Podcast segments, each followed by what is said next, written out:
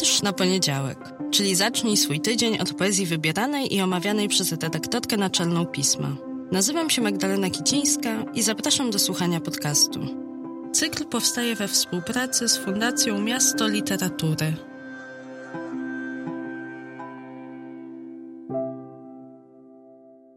Cześć, dzień dobry, dobry wieczór, jeśli słuchacie wieczorem. Witam Was w kolejnym odcinku podcastu Wiersz na poniedziałek. Odcinku szczególnym, szczególnym z powodu daty, która nam dzisiaj wypada. 19 kwietnia to rocznica wybuchu powstania w getcie warszawskim. Wybuchło ono w 1943 roku i było kulminacją oporu zbrojnego, oporu, który stawili Żydzi i Żydówki wobec ostatecznej likwidacji getta ale też oporu cywilnego, oporu, który przybierał bardzo różne formy. Miał również swoje odzwierciedlenie w kulturze i w literaturze, a w niej w poezji. Jednym z tych, którzy upamiętnili getto, upamiętnili Żydów i Żydówki w nim zamkniętych, był Władysław Szlengel. Dla mnie jeden z najważniejszych poetów polskiej poezji, twórców polskiej poezji twórca bardzo zróżnicowanych form, bo i przed wojną, ale też w trakcie wojny i już zamknięty w getcie pisał wiersze, pisał teksty poruszające, wzruszające, pełne rozpaczy, gniewu spowodowanego tym, co było jego udziałem, jego rzeczywistością, ale też teksty satyryczne, chociaż odrobinę podnoszące na duchu tych, którzy w totalnie niewyobrażalnych warunkach w tamtych dniach wiosny 1943 roku, ale i wcześniej w Warszawie żyli, a później ginęli. I dlatego chciałabym przypomnieć dzisiaj jeden z jego wierszy, wiersz, który opublikowaliśmy w papierowym, kwietniowym wydaniu pisma.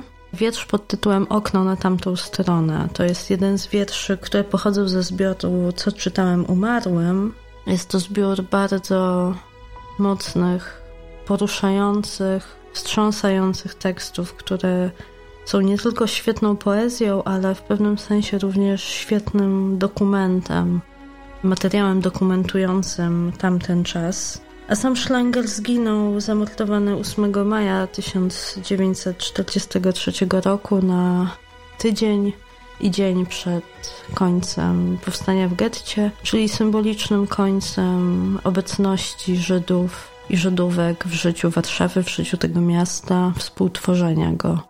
Dlatego dzisiaj, 19 kwietnia, zapraszam Was do wysłuchania okna na tamtą stronę. Władysław Szlengel. Okno na tamtą stronę. Czyta Leszek Zduń.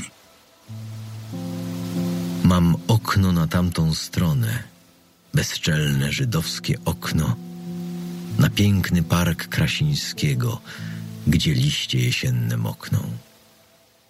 Pod wieczór szaroliliowy składają gałęzie pokłon i patrzą się drzewa aryjskie w to moje żydowskie okno. A mnie w oknie stanąć nie wolno – bardzo to słuszny przepis. Żydowskie robaki, krety powinni i muszą być ślepi.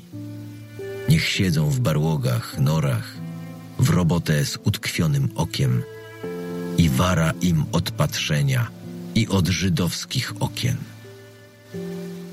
A ja, kiedy noc zapada, by wszystko wyrównać i zatrzeć, Dopadam do okna w ciemności i patrzę, żarłocznie patrzę.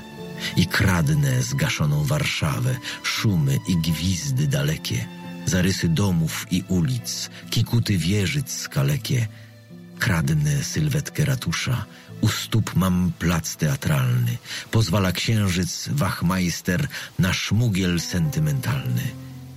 Wbijają się oczy żarłocznie, jak ostrza w pierś nocy utkwione, w warszawski wieczór milczący, w miasto me zaciemnione.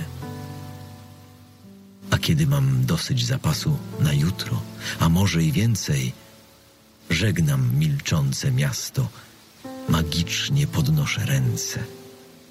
Zamykam oczy i szepcę: Warszawo, odezwij się czekam. Wnet fortepiany w mieście podnoszą milczące wieka. Podnoszą się same na rozkaz, ciężkie, smutne, zmęczone i płynie ze stu fortepianów w noc szopenowski polones. Wzywają mnie klawikordy, w męką nabrzmiałej ciszy płyną nad miastem akordy spod trupio białych klawiszy. Koniec. Opuszczam ręce. Wraca do pudeł polones.